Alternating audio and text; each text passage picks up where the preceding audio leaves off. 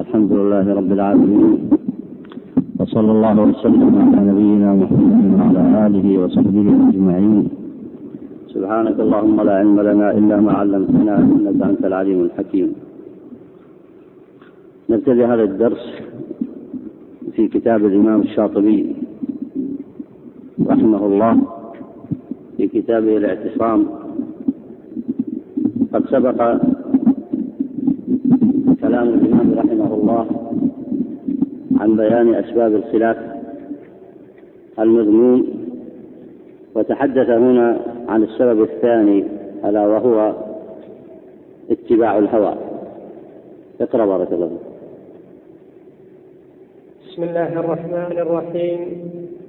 الحمد لله رب العالمين والصلاة والسلام على أشرف الأنبياء والمرسلين. قال المصنف رحمه الله كما ذكروا عن محمد بن يحيى بن لبابة أخي الشيخ بن لبابة. تبدأ من الأول ولذلك من السبب. قال المصنف رحمه الله والثاني. والثاني من أسباب الخلاف اتباع الهوى ولذلك سمي أهل البدع أهل الأهواء لأنهم اتبعوا أهواءهم فلم يأخذوا الأدلة الشرعية مأخذ الافتقار إليها والتعويل عليها حتى يصدروا عنها بل قدموا أهواءهم واعتمدوا على آرائهم ثم جعلوا الأدلة الشرعية منظورا فيها من وراء ذلك. إي نعم سمي أهل الأهواء على سبيل الذم لأن الهوى ما ذكر في القرآن إلا مذموما كما ذكر ابن عباس رضي الله عنهما. وقد أمر الله نبيه محمدا صلى الله عليه وسلم باتباع هذه الشريعة المباركة والحذر من أهواء الذين لا يعلمون. فقال الله عز وجل ثم جعلناك على شريعة من الأمر فاتبعها ولا تتبع أهواء الذين لا يعلمون. فأهل الأهواء هؤلاء من الذين لا يعلمون وهم الذين تركوا العمل بالأدلة الشرعية وقدموا عليها أهواءهم. ويدخل في ذلك أهل الأهواء عموما من المشركين من الكفار ومن أهل الملل جميعا ومن كل من قدم عقله وهواه على شريعة الله. فإنه يدخل في هذا الذنب كما قال الله عز وجل ثم جعلناك على شريعة من الأمر فاتبعها ولا تتبع أهواء الذين لا يعلمون وهؤلاء كلهم لا يعلمون أي لا يعلمون الحق. فتركوه واتبعوا أهواءهم. أي نعم. هم أهل التحسين والتقبيح ومن مال إلى الفلاسفة وغيرهم ويدخل في غمارهم من كان منهم يخشى السلاطين لنيل ما عندهم أو طلبا للرياسة فلا بد أن يميل مع الناس بهواهم. ويتأول عليهم فيما أرادوا حسب ما ذكره العلماء ونقله الثقات من من مصاحبي السلاطين. أي نعم لأنهم يجتمعون على الأهواء فيقدمون على كتاب الله وسنة نبيه محمد صلى الله عليه وسلم فإذا أرادوا أمرا مخالفا للشرع فإنهم لا بد أن يتبعوا أهواءهم ويتركوا مقتضى الدليل الشرعي ويترك مقتضى الدليل الشرعي سواء كان هذا عند أهل العقائد أو من سماهم هنا الفلاسفة أو أصحاب المذاهب فإنهم يقدمون عقولهم وأهواءهم على كتاب الله وسنة نبينا محمد صلى الله عليه وسلم فسموا بذلك أهل الأهواء.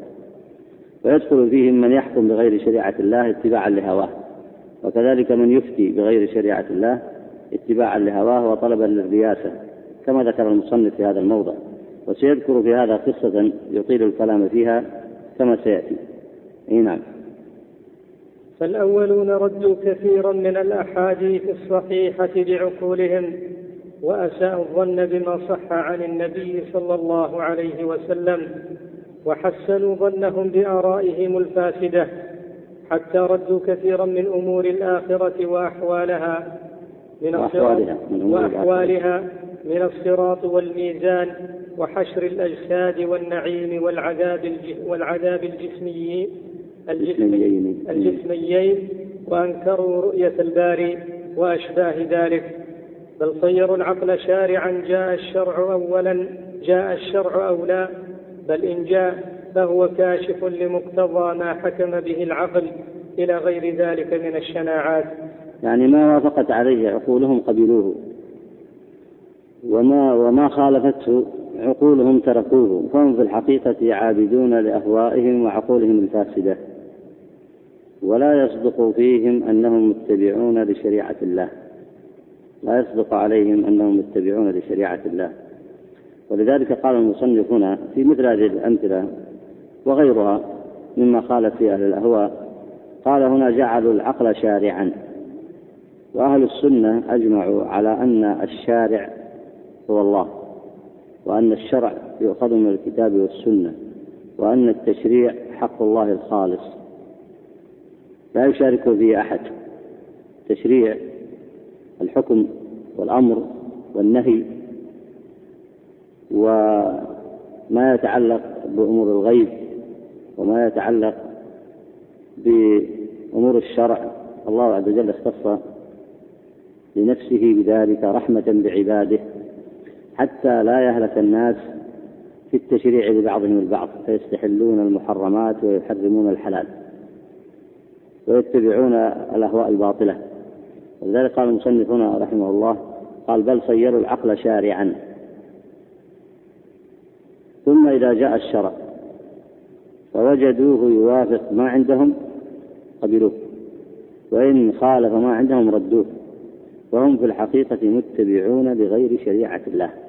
وإن اتبعوا بعضها. هم في الحقيقة متبعون بغير شريعة الله لأنهم إنما يتبعون ما شرعته عقولهم وما نسجته أهواؤهم. فإن جاء الشرع بذلك اتبعوه لأن ذلك قد شهدت به عقولهم وأهواؤهم.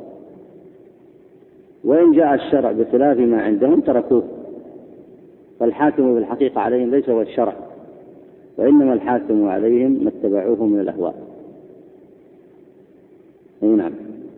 والآخرون خرجوا عن الجادة إلى البنيات وإن كانت مخالفة لطلب الشريعة حرصا على أن يغلب عدوه أو, يفي أو يفيد وليه أو يجر إلى نفسه نفعا. أي نعم. كما ذكروا عن محمد بن يحيى بن لبابة أخي الشيخ بن لبابة المشهور فإنه عزل عن قضاء البيرة ثم عزل عن الشورى لأشياء نقمت عليه وسجل بسقطته القاضي حبيب بن زياد وأمر بإسقاط عدالته وإلزامه وإلزامه بيته وأن لا يفتي أحدا. إي نعم لما وقع منه من من الظلم والافتياء في الفتوى وهو محمد بن يحيى بن لبابة وكان أحفظ أهل زمانه بمذهب مالك توفي سنة 336 وأما الشيخ ابن لبابة الآخر فهو محمد بن عمرو بن لبابة القرطبي توفي سنة 314 يذكر المصنف هذه القصة بطولها وقد أخذها من ترتيب المدارك وسيطيل الكلام على على هذا الأمر ليبين كيف انتهت الفتوى بهذا الرجل إلى أنه عزل أول مرة عن قضاء البيرة ثم عزل عن الشورى لأشياء لأشياء سقطت عليه. ثم بعد ذلك أفتى أيضا بما يخالف الشرع فأعيد إلى ما كان عليه. وسيذكر هذه القصة بطولها ليستدل بها على أن الهوى يحمل صاحبه طلبا للرئاسة في أن يقول على الله بغير علم. أي نعم. ثم إن الناصر احتاج إلى شراء مجشر من أحباس المرضى بقرطبة. الناصر آه، احتاج إلى شراء المجشر وحوض لا يستسقى منه لجشره سمي مسجرا أي لوسخه وقذارته يعني كانت هناك منطقة كبيرة موقوفة على المرضى بجانب النهر بجانب النهر كانت وقفا للمرضى. وبعضها كان مهملا. بعض هذا الوقف كان مهملا وفيه مياه راكدة ويمكن استصلاحه والانتفاع به لكن الوالي كان يريد أن يشتريه كان يريد أن يأخذه له لأن بيته قصره يطل عليه فتأذى منه فأراد أن يضمه إلى ملكه. فشكى إلى القاضي اقرأ. فشكى إلى القاضي بن بقي ضرورته إليه لمقابلته منزهه وتأذيه برؤيتهم أوان تطلعه من علاليه. فقال له ابن بقي لا حيلة عندي فيه وهو أولى أن يحاط بحرمة الحبس. يعني قال أنه أولى أن يحاط بحرمة الحبس لأنه وقف. ولا أجد لك حيلة في أن تضمه إلى أملاكك لأنه وقف للمرضى. نعم. فقال له تكلم مع الفقهاء فيه وعرفهم رغبتي وما أجزل وما أجزله من أضعاف القيمة وما أجزله وما أجزله من أضعاف القيمة فيه. فلعلهم أن يجدوا لي في ذلك رخصة. فتكلم ابن بقي معهم فلم يجدوا إليه سبيلا. فغضب الناصر عليهم وأمر الوزراء بالتوجيه فيهم إلى القصر وتوبيخهم. فجرت بينهم وبين بعض الوزراء مكالمة ولم يصل الناصر معهم إلى مقصوده. ولا شك أن هذا اعتداء منه لأنهم طلب منهم أن يفتوا ولم يروا سندا لأن يفتوه بتملك هذا الوقف. ومع ذلك آذاهم بهذه الصورة ووبخهم واعتدى على حرمتهم. أي نعم. وبلغ ابن لبابة وبلغ ابن لبابة هذا الخبر. من هو ابن لبابة الآن الذي بلغه؟ ومحمد بن يحيى الذي كان قد عزل. نعم. فرفع إلى الناصر بعضا من أصحابه الفقهاء. يعني أرسل إليه بعض أصحابه. أرسل إليه بعض أصحابه ليقول له إنني أفتيك في هذا الأمر. يعني أحله علي وأنا أفتيك فيه. هنا ويقول إنهم حجروا عليه واسعا ولو كان حاضرا لأفتاه بجواز المعاوضة وتقلد حقا. وناظر أصحابه فيها. فوقع الأمر بنفس الناصر وأمر بإعادة محمد بإعادة محمد بن لبابة إلى الشورى على حالته الأولى ثم أمر القاضي بإعادة المشورة في المسألة. لاحظ الآن أنه عزل من قبل بسبب وسقط عليه بسبب. ثم أعاده الناصر مرة أخرى لما علم أن في هواه أنه سيفتيه بما يريد. فرده إلى ما كان عليه. ثم أمر بإعادة المشورة أي بالنظر في هذه الأحداث مرة أخرى. نعم. فاجتمع القاضي والفقهاء وجاء ابن لبابة آخرهم وعرفهم القاضي ابن بقي بالمسألة التي جمعهم من أجلها. يعني الآن جمعهم مرتين. جمعهم المرة الأولى ولم يفتوه. وجمعهم المرة الثانية هذه ومعهم ابن لبابة محمد بن لبابة. أي نعم. وعرفهم القاضي ابن بقي بالمسألة التي جمعهم من أجلها وغبطة المعاوضة المعاوضة فيها فقال جميعهم بقولهم الأول من المنع من تغيير الحبس عن وجهه وابن, وابن لبابة ساكت. فقال له القاضي ما تقول أنت يا أبا عبد الله؟ قال أما قول إمامنا مالك بن أنس فالذي قاله أصحابنا الفقهاء. يعني المنع المنع من ذلك نعم وأما أهل العراق فإنهم لا يجيزون الحبس أصلا وهم علماء أعلام يقتدي بهم أكثر الأمة. وإذ بأمير المؤمنين من الحاجة إلى هذا المجشر ما به فما ينبغي أن يرد عنه وله في السنة فسحة. وأنا أقول بقول أهل العراق وأتقلد ذلك رأيا. فقال له الفقهاء سبحان الله تترك قول مالك الذي أفتى به أسلافنا ومضوا عليه واعتقدناه بعدهم وأفتينا به لا نحيد عنهم بوجه وهو رأي أمير المؤمنين ورأي الأئمة آبائه. فقال لهم محمد بن يحيى ناشدتكم الله العظيم ألم تنزل بأحد منكم ملمة بلغت بكم أن أخذتم فيها بغير قول مالك في خاصة أنفسكم وأرخصتم لأنفسكم في ذلك. قالوا بلى. قال فأمير المؤمنين أولى بذلك. فخذوا به مأخذكم وتعلقوا بقول من يوافقه من العلماء فكلهم قدوة. فسكتوا. فقال للقاضي انهي إلى أمير المؤمنين. أنهي إلى أنهي إلى أمير المؤمنين فتياي فكتب القاضي إلى أمير المؤمنين بصورة المجلس. وبقي مع أصحابه بمكانهم إلى أن أتى إلى أن أتى الجواب بأن يؤخذ له بفتيا بفتيا محمد بن لبابة وينفذ ذلك ويعوض المرضى من هذا المنشر بأملاك ثمينة ثمينة عجب وكانت عظيمة القدر جدا تزيد أضعافا على المنشر. ثم جيء بكتاب من عند أمير المؤمنين منه إلى إلى ابن لبابة بولاية خطة الوثائق ليكون هو المتولي لعقد هذه المعاوضة فهنئ بالولاية وأمضى القاضي الحكم بفتواه وأشهد عليه وانصرفوا. فلم يزل ابن لبابة يتقلد خطة الوثائق والشورى إلى أن مات سنة ثلاثمائة وستة وثلاثون. قال القاضي عياض ذكرت بعض مشايخنا مرة بهذا الخبر فقال أن ينبغي أن يضاف هذا الخبر الذي حل سجل السقطة إلى سجل السقطة فهو أولى وأشد في السقطة مما تضمنه أو كما قال فتأملوا كيف اتباع كيف اتباع الهوى وأولى أن ينتهي بصاحبه فشأن مثل مثل هذا لا يحل أصلا من وجهين. أحدهما أنه لم يتحقق المذهب الذي حكم به لأن أهل العراق لا يبطلون الإحباس هكذا على الإطلاق ومن حكى عنهم ذلك فإما على غير تثبيت وإما أنه كان قولا لهم رجعوا عنه بل مذهبهم يقرب من مذهب مالك حسب ما هو مذكور في كتب الحنفية.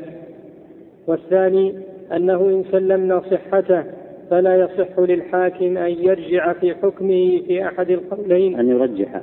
أن يرجح في حكمه في أحد القولين. بالصحبة والإمارة أو قضاء الحاجة. يعني لا يجوز للعالم أن يرجح في مسألة بسبب الصحبة هي القربة أو الإمارة أو أن يقضي حاجة لفلان أو علان. نعم. بل إنما الترجيح بالوجوه المعتبرة شرعا وهذا متفق عليه بين العلماء. فكل, فكل من اعتمد على تقليد قول غير محقق أو رجح بغير معنى معتبر فقد خلع الرقة واستند إلى غير شرع. عافانا الله من ذلك بفضله. فهذه الطريقة في الفتيا من جملة البدع المحدثات في دين الله تعالى كما أن تحكيم العقل على الدين مطلقا محدث وسيأتي بيان ذلك بعد إن شاء الله. هذا المثال ذكره المصنف هنا كما هو واضح ليبين أثر اتباع الهوى في الفتيا. فإن الإنسان إذا أفتى بمصلحة فلان أو علان أو أفتى مثلا لقرابة أو غيرها أو لتحقيق حاجة فإنها فإنما الأعمال بالنيات فإنما الأعمال بالنيات. وهو في ذلك مخطئ متبع للهوى مذموم مذموم في شأنه. أي نعم وهو مثل تحكيم العقل على الدين مطلقا. وهذه من البدع المحدثات الفتية. أي نعم. وقد ثبت بهذا وجه اتباع الهوى وهو أصل الزيغ عن الصراط المستقيم. قال الله تعالى هو الذي أنزل عليك الكتاب منه آيات محكمات هن أم الكتاب وأخر متشابهات. فأما الذين في قلوبهم زيغ أي ميل عن الحق فيتبعون ما تشابه منه ابتغاء الفتنة وابتغاء تأويله. وقد تقدم معنى الآية فمن شأنهم أن يتركوا الواضح ويتبعوا المتشابه عكس ما عليه الحق في نفسه. عكس ما عليه. عكس ما عليه الحق في نفسه. سبق الكلام كلام المصنف على هذه الآية. المحكمات هي النور البينات الواضحات التي هي عماد الدين وأصله وهي الحلال والحرام وما يتعلق بأمور العقائد. وما يتعلق بأركان الإسلام وهي الكليات والأساسيات في هذا الدين. فالواجب على الإنسان أن يتبعها وأن يعمل بمقتضاها سواء في العمل أو في تعليم العلم أو في الفتيا أو في الحكم. وأخر متش... هن أم الكتاب أي أصله وأساسه. وأخر متشابهات يعني يستطيع أن يستعملها في تلبيس الحق بالباطل. يستطيع أن يشبه بها على نفسه وعلى غيره. لكن الواجب عليه أن يتبع المحكمات الأساسيات حتى يحفظ دينه وحتى لا يقول على الله إلا الحق. فإذا اتبع هذه المتشابهات فإنه سيميل عن الحق. وإن كان في الصورة في ظاهره أنه يتبع الشرع. لكن هو في الحقيقة قد مال عن الحق واتبع ما تشابه. ابتغاء الفتنة فسر علماء الفتنة هنا بالشرك ابتغاء الشرك ويدخل في الفتنة أيضا الفساد ابتغاء الفساد في الأرض أن أن يفتي بفتوى يترتب عليها فساد. أو ابتغاء الفتنة أي ابتغاء الشرك. ويدخل في هذا ما نشأ من العقائد الفاسدة. فإن اتباع المتشابه في أمور كثيرة هو الذي أنشأ الفرق الضالة. والعقائد الفاسدة. ولا شك أن البدع من الفتن. وكذلك احتجاج المشركين ببعض الآيات على شركهم هو من اتباع المتشابه. لقولهم لو شاء الله ما أشركنا احتجوا بالقدر. وهذا من اتباع المتشابه لأن الله حرم عليهم الشرك. وتحريم الشرك من المحكمات البينات الواضحات. فكان عليهم أن يتبعوا المحكمات البينات الواضحات.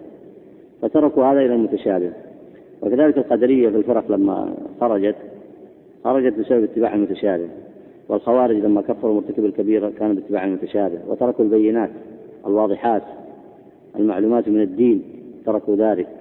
وهذا الذي يحدث يحدث عندهم التشابه هو بسبب ما ابتلاهم الله به لينظر ماذا يعملون.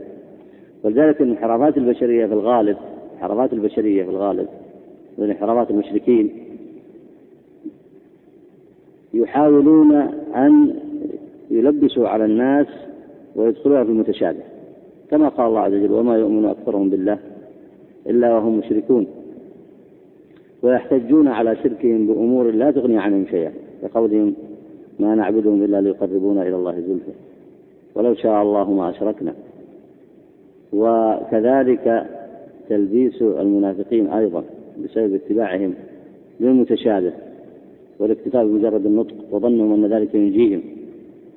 ثم بعد ذلك في ما وقع من أهل الردة في عهد أبي بكر رضي الله عنه فإنهم اتبعوا المتشابه تركوا المحكمات فالمحكمات أن الزكاة ركن من أركان الإسلام يجب إقامته ولا ويحرم نقض هذا الركن ويحرم الاجتماع على منعه يحرم منعه من الأفراد ويحرم منعه بالقتال دونه والامتناع عنه. هذا من المحكمات. ومع ذلك اتبعوا المتشابه. قالوا كنا ندفعها لمحمد. ليصلي علينا ويطهرنا. فكيف ندفعها لأبي بكر؟ وكذلك شأن غيرهم ممن آه، بدل في الدين من الفرق الضالة فإنهم في عقائدهم اتبعوا المتشابه. وكذلك العقائد المعاصرة مذاهب المنحرفة تجدهم يتبعون المتشابه وكذلك الذين يفتون في آه، كثير من أمور الدين تحليل الربا تحليل الغنى يتبعون المتشابه يتركون المحكمات البينات الواضحات المعلومات من الدين يتبعون المتشابه وهم أهل الزيغ كما ذكر في هذه الآية. ولذلك ورد في الحديث الصحيح حديث عائشة رضي الله عنها قالت قال, قال لها النبي عليه الصلاة والسلام يا عائشة إذا رأيت الذين يتبعون ما تشابه منه فاحذريهم فهم هؤلاء. قد تبرأ منهم الصحابة لأن الاتباع اتباع ما تشابه من الدين ما تشابه لهم. وترك المحكمات هو في الحقيقة خروج عن الشرع وإفساد للدين. ولذلك قال الله عز وجل ابتغاء الفتنة. يعني يبتغون بذلك الفتنة. يعني ليس هو مجرد الغلط كما يظن الناس لأن مجرد الغلط يمكن رفعه ببيان الحق ويمكن يرجع صاحبه. لم يرجع اليوم يرجع غدا. والعلم ظاهر وقد يتتبع مسائل العلم فيهتدي أو يصله الحق وتقام عليه الحجة. لكن هؤلاء لا تنفع فيهم إقامة الحجة ولا يسمعون إلى الحق. فهم في حقيقتهم يقصدون ابتغاء الفتنة. يريدون الفتنة والفتنة يدخل فيها الشرك والأهواء. ونشر المعاصي والإفساد في الأرض. ولذلك هذه هذه الآية من الآيات العظيمة التي ذكر الله عز وجل في سورة آل عمران وقد عني السلف ببيانها ببيان معناها. والمصنفون استدل بها إلى أن اتباع الهوى يجعل الإنسان يترك البينات المحكمات من الدين ويتبع ما تشابه له يبتغي بذلك الفتنة والفساد في الأرض عياذا بالله. اي نعم. وسيذكر أمثلة من هذا. وقد روي عن ابن عباس رضي الله عنهما وذكرت الخوارج عنده وما يلقون في القرآن وما يلقون في القرآن فقال يؤمنون بمحكمه ويهلكون عند متشابهه. وقرأ ابن عباس الآية خرجه ابن وهب. وقد دل على خرجه الأجري في الشريعة. طبعا هنا هذا دليل أيضا على أنهم وإن قصدوا للحق لكن لم يصيبوه وأنه حتى لو معهم عبادة فإن ذلك لا ينفعهم. فكثير فالذين يتبعون المتشابه لا ينفعهم ما يظنونه من التأويل أو ما يظن الناس فيه من الخير أو ما يظن الناس فيه من طلب القصد آه، أو التعبد أو ما يظن من وجود بعض الخير عندهم أو نحن ذلك. لأن اتباع المتشابه من المحرمات اتباع المحكمات من الواجبات فكان يجب عليهم أن يتبعوا المحكمات ويقيموا دين الله. وهذا أمر معلوم بين يعني إقامة دين الله عز وجل أمر بين ومعلوم ومقدور عليه والحمد لله. بإقامة التوحيد وتحريم الشرك والبدع ونفي ذلك وإقامة أركان الإسلام وتطبيق شرائعه. ولذلك ذكر المصنف هذا المثال وذكر كلام ابن عباس هنا لأنه ذكر ذلك عند تفسير هذه الآية. نعم. وقد دل على ذمه القرآن في قوله تعالى أفرأيت من اتخذ إلهه هواه؟ الآية. وأظله الله على علم. هنا كل هذا الذي ذكره المصنف من التطبيقات ليبين خطر هذا السبب وهو اتباع الهوى. وهذا مما يتعلق بالخلاف المذموم. إذا وقع هذا السبب وهو اتباع الأهواء فإن الخلاف حينئذ يكون مذموما. لأنه لا يخلو إما أن يخرج صاحبه إلى كفر أو شرك فهو السبب الأول النوع الأول في الخلاف. مضى معكم أن الخلاف ثلاثة أنواع. الخلاف الأول المذموم ما هو؟ الخلاف في أصل النحلة خلاف الكفار والمشركين.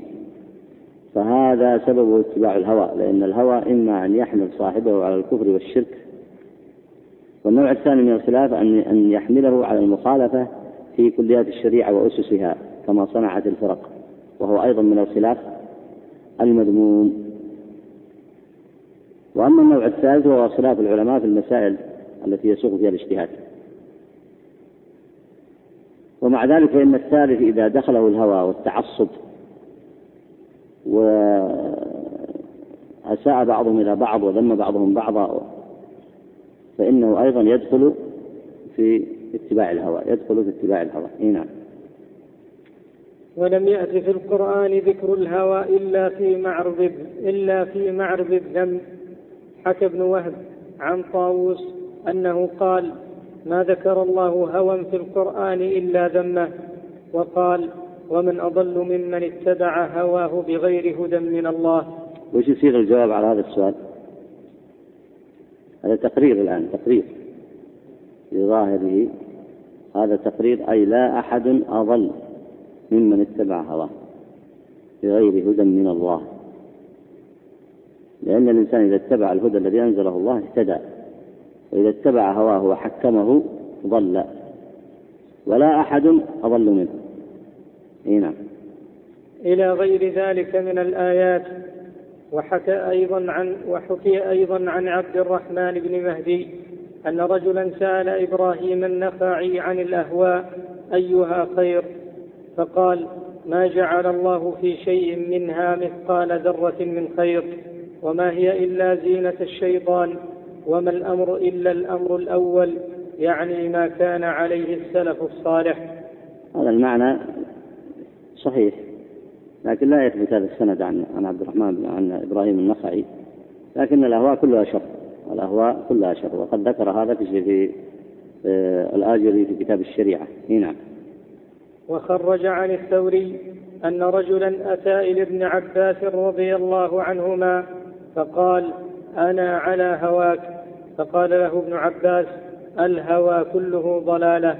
أي شيء أنا على هواك؟ يعني أمر غريب أن يأتي له ويقول أنا على هواك هو يعبد من؟ يعبد الله عز وجل ولا ولا يعبد ابن عباس فما معنى أنا على هواك؟ فافرض أن هذا الذي قلت له أنت على هواه حملك على باطل هل تكون أيضا على هواه؟ لذلك أنكر عليه ابن عباس قال أي شيء أنا على هواك ما هذا؟ الهوى كله ضلالة نعم وذكره أيضا الاجري في الشريعة وصححه المحقق وأخرجه اللالكائي اقرأ السبب الثالث من أسباب الخلاف المذموم. والثالث من أسباب الخلاف التصميم على اتباع العوائد وإن فسدت أو كانت مخالفة للحق. أي نعم العوائد التي يعتادها الناس هي التي يشق عليهم أن يغيروها ويتبعوا الحق فيجعل فيجعلونها حينئذ أصلا يلتزمون به ويتبعونه. إذا جاءت النصوص الشريعة التي تبين الحق تركوها. واتبعوا ما كانت عليه عاداتهم وهي من الأهواء لا شك. لأن العادة إذا كانت أو العوائد أو ما جرى في عرف الناس إذا كان مخالفا لكتاب الله وسنة النبي عليه الصلاة والسلام ثم اتبعوها من دون الله اتبعوها وتركوا شريعة الله لا شك أن ذلك اتباع لغير شرع الله وهو من الأسباب التي تحمل الناس على ترك الحق وتحملهم على اتباع الباطل. وسيذكر المصنف أن هذا الداء الذي في البشرية هو الذي حملهم على مخالفة الحق. اقرأ بارك الله وهو اتباع ما كان عليه الآباء والأشياخ وأشباه ذلك. وهو التقليد المذموم. فإن الله ذم بذلك في كتابه كقوله تعالى بل قالوا إنا وجدنا آباءنا على أمة. الآية أي وجدنا آباءنا على طريقة فلا يريد فلا يريدون أن يغيروها. نعم. ثم قال قل أولو جئتكم بأهدى مما وجدتم عليه آباءكم؟ قالوا إنا بما أرسلتم به كافرون. يعني لا حجة لديهم. لما قال لهم أولو جئتكم بالحق تتبعونه؟ قالوا إنا به كافرون. يعني ليس هناك مجال للحوار ولا النقاش. يعني لا لا يقولون مثلا ائتنا ببرهان. لا يقولون مثلا ما جئت به ليس بحق. والدليل عندنا كذا وكذا. وإنما انظروا هذا الجواب. قالوا إنا بما أرسلتم به كافرون. يدعوهم إلى الهدى فيقول نحن كافرون به. هذا تحصيل حاصل. هو معلوم أنهم كافرون به. لكن هو يدعوهم ليتفكروا. لعلهم يدعوا الكفر ويؤمنوا. ومن تحصيل الحاصل هنا أنهم معرضون عنه وهو يدعوهم يتبعوه يتبعوا الحق. ولذلك كثر في القرآن المطالبة بالدليل والبرهان. أما الرسل عليهم الصلاة والسلام فهم يقدمون الدليل والبرهان على ما جاءوا به من الحق. ويطلبون من غيرهم إذا تركوا الحق ولزموا ما عليه آباؤهم أن يأتوا ببرهان. قل هاتوا برهانكم إن كنتم صادقين. هذا كثير في القرآن. وهذا من أحسن الاحتجاج. أما الذي عليه أمر الجاهلية هو التقليد المذموم. هو اتباع ما كان اتباع ما وجد اتباع ما عليه أكثر الناس اتباع العوائد والتصميم عليها. وهذا لا يغني شيئا. هذا لا يغني شيئا. ولذلك قال قل أولو جئتكم بأهدى مما وجدتم عليه آباءكم. المفروض يقولون إن جئتنا بأهدى منه قبلنا لكن ليس هناك مجال مع هؤلاء للنقاش إنهم لا يقبلون إلا ما ألفوه واعتادوه. ولذلك حرم الشرع التقليد لأنه اتباع على غير دليل. اتباع على غير دليل. الإنسان إذا عرف الحق بدليله قد اتبع البرهان. وإذا تابع غيره على الدليل فهو متابع اتبع الدليل. وإذا تابع غيره على غير دليل فهو التقليد المذموم فهو التقليد المذموم. إي نعم. وقوله هل يسمعونكم إذ تدعون أو ينفعونكم أو يضرون؟ فنبههم على وجه الدليل الواضح فاستمسكوا بمجرد تقليد الآباء فقالوا بل وجدنا آباءنا كذلك يفعلون. يعني كان متوقع أن يجيبوا على السؤال هل يسمعونكم إذ تدعون أو ينفعونكم أو يضرون؟ المفروض يقولوا لا أو نعم. أحد جوابين. لا يتصور إلا أحد جوابين. إما أن يقولوا لا لا يسمعون ولا ينفعون ولا يضرون. وإما أن يقول وإما أن يقولوا يسمعون وينفعون ويضرون ثم يأتوا بالأدلة على ذلك. لكن لم يسمعوا ذلك. بل لجأوا مباشرة إلى التقليد إلى التقليد المذموم. وبل هنا للإضراب. يعني أضربوا عن الجواب واتباع الدليل والبرهان وقالوا يكفي أننا وجدنا آباءنا كذلك يفعلون. نعم. وهو مقتضى الحديث المتقدم أيضا في قوله في قوله صلى الله عليه وسلم اتخذ الناس رؤساء جهالا. لأنهم لا يسألونهم عن الدليل. فالرؤساء جهال يقولون بغير علم والناس يتبعونهم على ذلك بغير دليل. وذلك عند فقد العلماء وذلك كما وسبق الكلام على هذا الحديث الصحيح عند فقد العلماء هنا نعم. إلى آخره فإنه يشير إلى الافتنان بالرجال كيف كان وفيما يروى عن علي بن أبي طالب رضي الله عنه إياكم والافتنان بالرجال فإن الرجل يعمل بعمل أهل الجنة ثم ينقلب لعلم الله فيه فيعمل بعمل أهل النار فيموت وهو من أهل النار وإن الرجل ليعمل بعمل أهل النار فينقلب لعلم الله فيه فيعمل بعمل أهل الجنة فيموت وهو من أهل الجنة فإن كنتم لا بد فاعلين فبالأموات لا بالأحياء. أي بمن سبق من السلف لأنهم مشهود لهم بالخير. فتقول أنا أتبع نصوص الكتاب والسنة فتقول فهم السلف أي إضافة فهم السلف إلى مجموعهم. وما داموا قد ماتوا على ذلك مجتمعين وهو ما اجتمع عليه الصحابة رضوان الله عليهم فهو الحق بلا ريب. فمن أراد أن يستن فليستن بأولئك. من أراد أن يستن فليستن بأولئك. أما غيرهم فإن الاستنان بالرجال أي اتباعهم بدون البحث عن الأدلة هذا من الظلم وهو من أسباب الخلاف لأن الناس تفرقوا شيعا لهذا السبب. تفرقوا شيعا وأحزابا لهذا السبب. ينصبون لهم أشياخا يتبعونهم على غير الدليل يتبعون لمجرد أنه فلان لا لأن عنده دليل على هذا أو ذاك هذا لا يجوز لأن هذا يفرق الناس. أما من أراد أن يستن فليستن بنصوص الكتاب والسنة وفهم السلف الأول لأنهم ماتوا مجتمعين على ذلك. فأنت إذا اتبعتهم اتبعت إجماعهم. وقد شهد النبي عليه الصلاة والسلام لهم بالخير. فقال عليه الصلاة والسلام خير القرون قرني ثم الذين يلونهم ثم الذين يلونهم. وأنت تتبعهم على فهمهم الذي اجتمعوا عليه اللي هو المحكمات كما في الآية.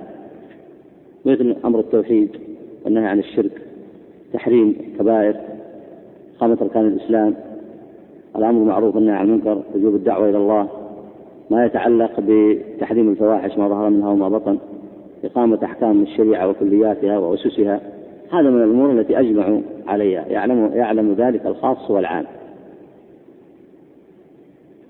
وأما من جاء بعدهم فإن الاستنان بالرجل مطلقا هكذا واتباعه بدون دليل لا شك أنه من أعظم الأسباب التي أدت إلى الخلاف.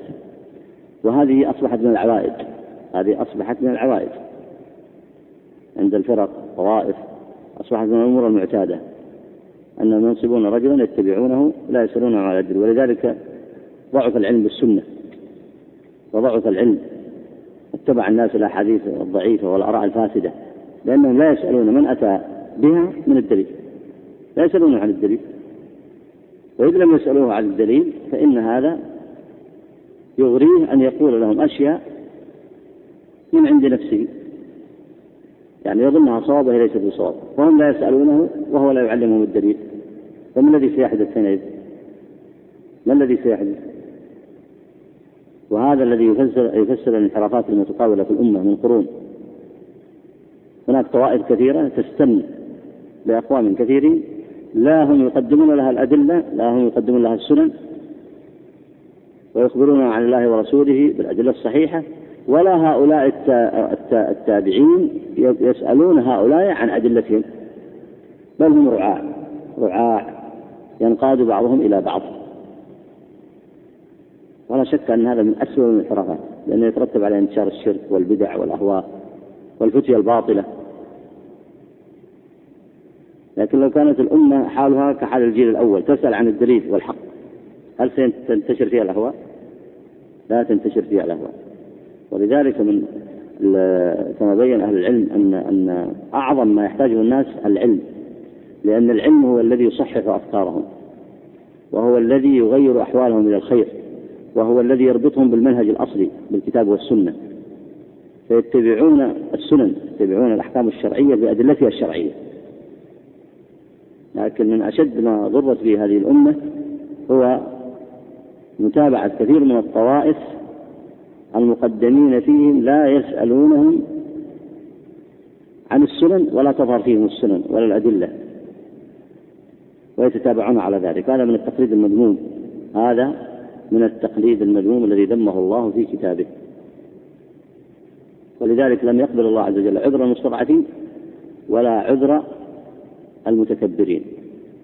لأن هؤلاء أضل بعضهم بعضا بسبب أنهم لا ليس عندهم حجة من كتاب ولا سنة على ما يفعلونه من الأهواء التي اجتمعوا عليها. فلم يكن للمستضعفين عذر لأنهم تابعوهم على غير علم وعلى غير بينة. نعم. فهو إشارة إلى الأخذ بالاحتياط في الدين وأن الإنسان لا ينبغي له أن يعتمد على عمل أحد البتة حتى يثبت فيه حتى يثبت فيه ويسأل عن حكمه. يتثبت فيه. حتى يتثبت فيه ويسأل عن حكمه. إذ لعل المعتمد على عمل إذ لعل المعتمد على عمله يعمل على خلاف السنة. ولذلك قيل لا تنظر إلى عمل العالم ولكن سله يصدق. وقالوا يعني سألوا عن الأدلة. إن كان اتق الله بين لك هذه الأدلة. نعم. وقالوا ضعف الرو... ضعف الر... ضعف الروية أن يكون رأي فلان يعمل فيعمل مثله ولعله فعله ساهيا. وليس من هذا القبيل عمل أهل المدينة وما أشبه ذلك لأنه دليل ثابت عند جماعة من العلماء على وجه ليس مما نحن فيه. يعني يقصد أنه ثابت عند المالكية عمل المدينة عند مالك. رضي الله عنه عند مالك رحمه الله وأصحابه وأصحابه ثبت آه، أن عندهم أصل وهو العمل بعمل أهل المدينة لكنه مفسر عندهم وهو أنه عمل بني على النصوص الشرعية أو على ما ظهر لهم من العلم المنقول عن الله ورسوله صلى الله عليه وسلم. وصار عملا يرونه ويشهدونه ويتناقلونه ينقله بعضهم عن بعض. فيحتجون حينئذ به.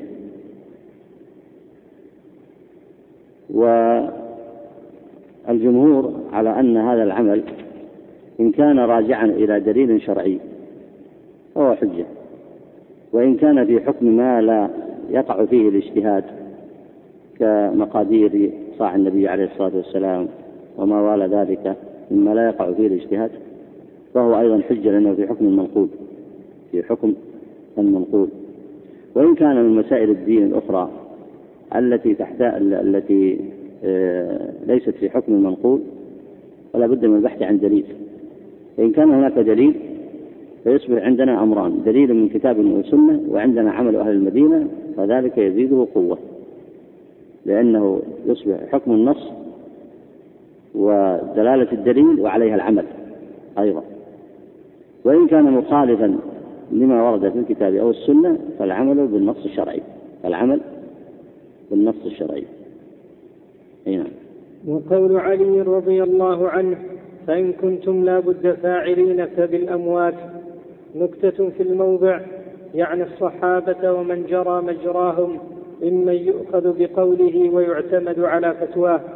وأما غيرهم ممن لم ممن لم يحل ذلك المحل فلا كأن يرى الإنسان رجلا يحسن اعتقاد يحسن اعتقاده فيه يفعل فعلا محتملا محتملا أن يكون مشروعا أو غير مشروع فيقتدي به على الإطلاق ويعتمد عليه في التعبد ويجعله حجة في دين الله. الإنسان في التقليد المذموم حتى لو حسن الإنسان الظن بفلان أو بفلان ما يكفي هذا ما يكفي. لأنه قد يعمل هذا العمل ساهيا. قد ينقل الدليل على غير وجهه. يخطئ في نقله أصلا ليس بحافظ. قد ينقل دليلا ضعيفا وهو لا يعلم أنه ضعيف. قد ينقل دليلا صحيحا لكنه يفسره تفسيرا غير صحيح. هذا كله وارد. وإلا لماذا اختلف الفقهاء؟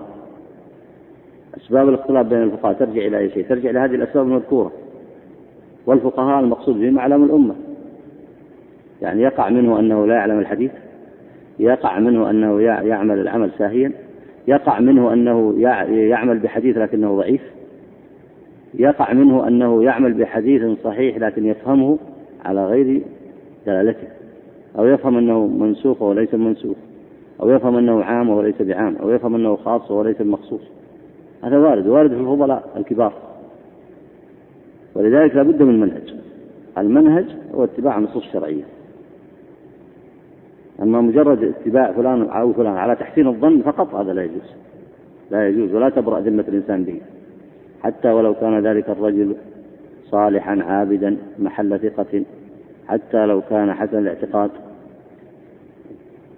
فإن ذلك لا يجوز أن تتبع أحدا على مجرد تحسين الظن به.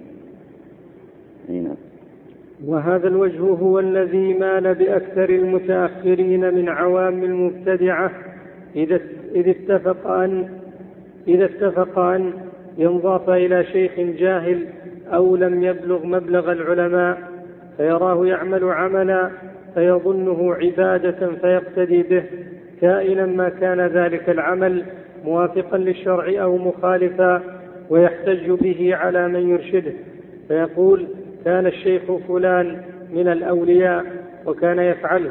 وهو أولى أن يقتدى به من علماء أهل الظاهر فهو في الحقيقة راجع إلى تقليد من حسن ظنه فيه أخطأ أو أصاب كالذين قلدوا آباءهم سواء وإنما قصار هؤلاء أن يقولوا إن آباءنا أو شيوخنا لم يكونوا ينتحلون لم يكونوا ينتحلون مثل هذه الأمور سدى. هذا ادعاء العصمة هذا ادعاء العصمة وهو باطل في الشرع. أي نعم. وما هي إلا مقصودة بالدلائل والبراهين مع أنهم يرون ويرون أن لا دليل عليها ولا برهان يقود إلى القول بها. أي نعم. انتهى الكلام على السبب الثالث من أسباب الخلاف وهو التصميم على اتباع العوائد واتباع الآباء والأشياخ وأحوال الناس بغير دليل. فإن ذلك مما ذمه الشرع وحذر منه عافانا الله وإياكم من ذلك. وصلى الله وسلم على نبينا محمد وعلى آله وصحبه أجمعين.